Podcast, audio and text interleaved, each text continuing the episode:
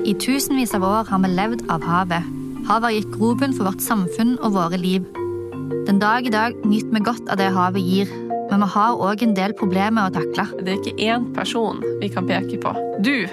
Du ødela klimaet, liksom. Både oljenæringen og sjømatindustrien har sine utfordringer. Vi har plastproblemet og krangler om plasten. Når en næring begynner å ødelegge for en annen, da, da, blir det, da blir det krig. I tillegg er vi midt i en pandemi.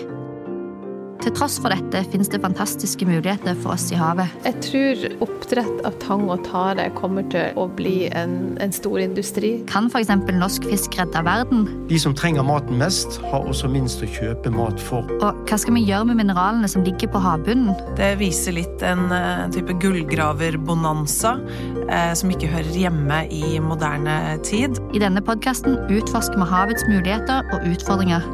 Velkommen til Kystpuls, en podkast fra Senter for hav og Arktis.